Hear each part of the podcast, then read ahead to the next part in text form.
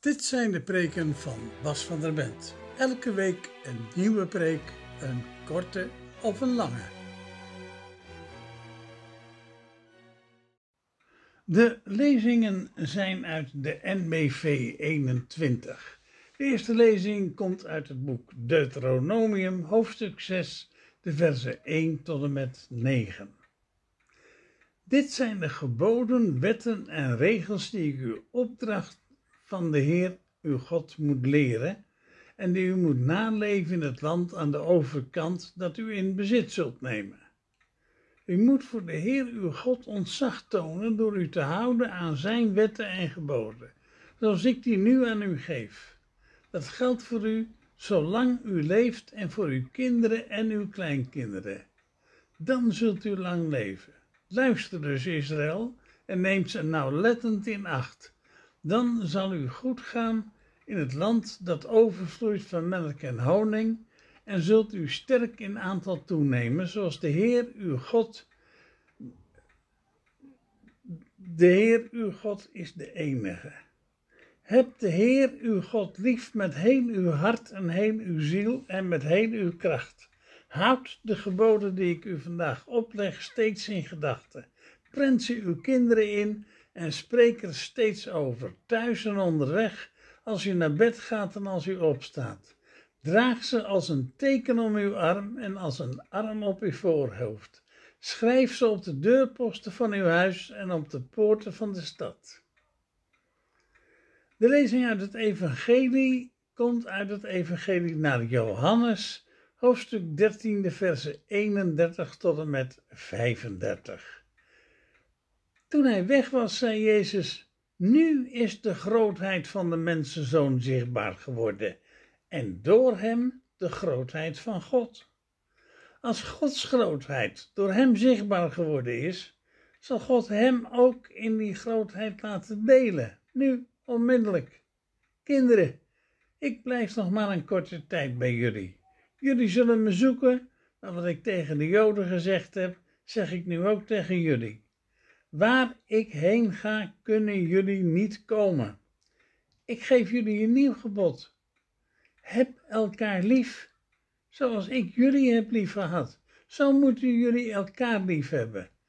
Aan jullie liefde voor elkaar zal iedereen zien dat jullie mijn leerlingen zijn.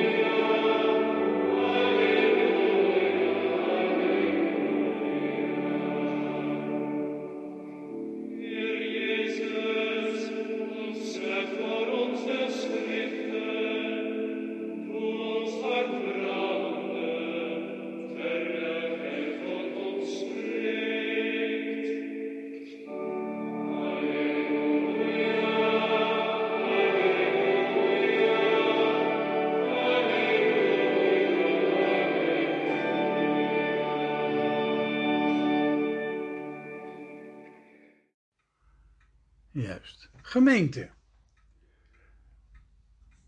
Juist.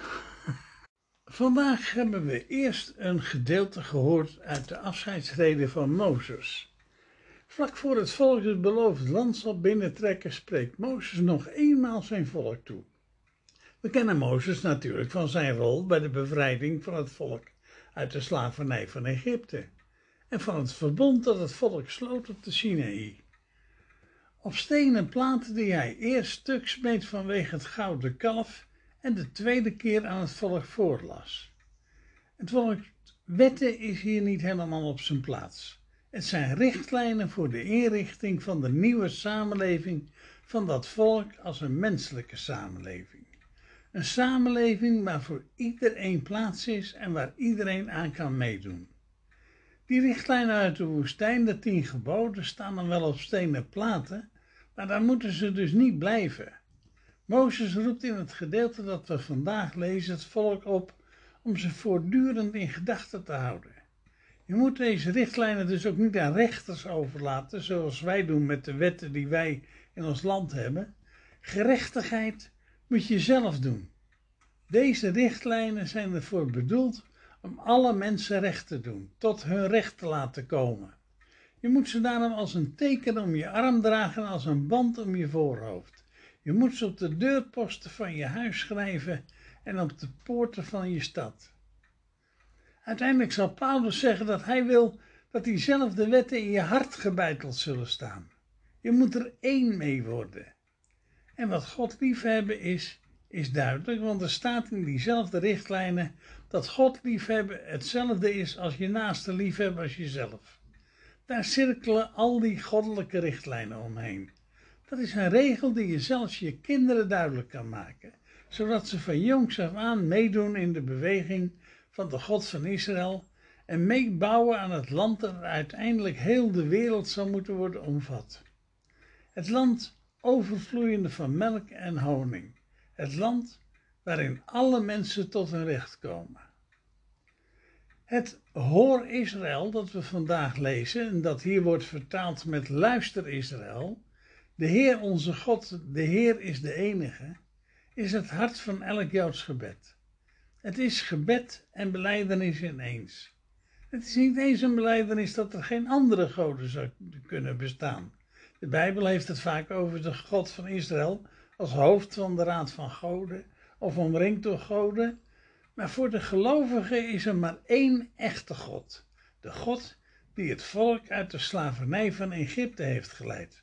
Voor christenen de vader van Jezus van Nazareth, die uiteindelijk zelfs de dood zou overwinnen.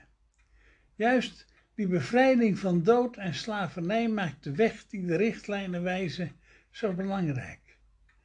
Ook in onze dagen kunnen we verlangen naar een samenleving waar geen oorlog meer op aarde is, niet meer gemoord wordt, waarin niet meer wordt gestolen, waarin het bezit van een andere mensen niet meer in beweging brengt, waar mensen mogen zijn en geen objecten voor persoonlijke lustbevrediging, waar niemand zich hoeft te schamen voor diens afkomst. Ook wij weten dat we nog lang niet in een samenleving leven waarin die richtlijnen algemeen geldend zijn en in ieders hart gebeiteld staan. Wie om zich heen kijkt in de wereld en de slachtoffers van oorlog en geweld ziet, de hongerigen ziet, de kinderen die sterven van ellende, de zieken voor wie geen medicijnen zijn, de geweldige hoeveelheden wapens die over de wereld reizen, die nu ook de oorlog in de Oekraïne weten te voeden, weet dat een aarde waarin vrede en gerechtigheid heerst nog heel ver weg is. Wat dat betreft reizen we eigenlijk nog steeds door dezelfde woestijn als waar het volk Israël de richtlijnen kreeg. De oproep van Mozes om de richtlijnen voortdurend bij de hand te houden is daarom eigenlijk net zo actueel als die was toen het boek Deuteronomium werd geschreven. Daarom zullen wij de echo van Mozes moeten zijn en voortdurend roepen om navolging van deze richtlijnen. Ook wij hongeren en dorsten immers naar gerechtigheid. Dat zoeken naar gerechtigheid, dat je naast de liefhebben als jezelf is, is niet eenvoudig. Het volk Israël is het dat in het nieuwe land van ze nooit echt gelukt. Jezus van Nazareth lukte het wel.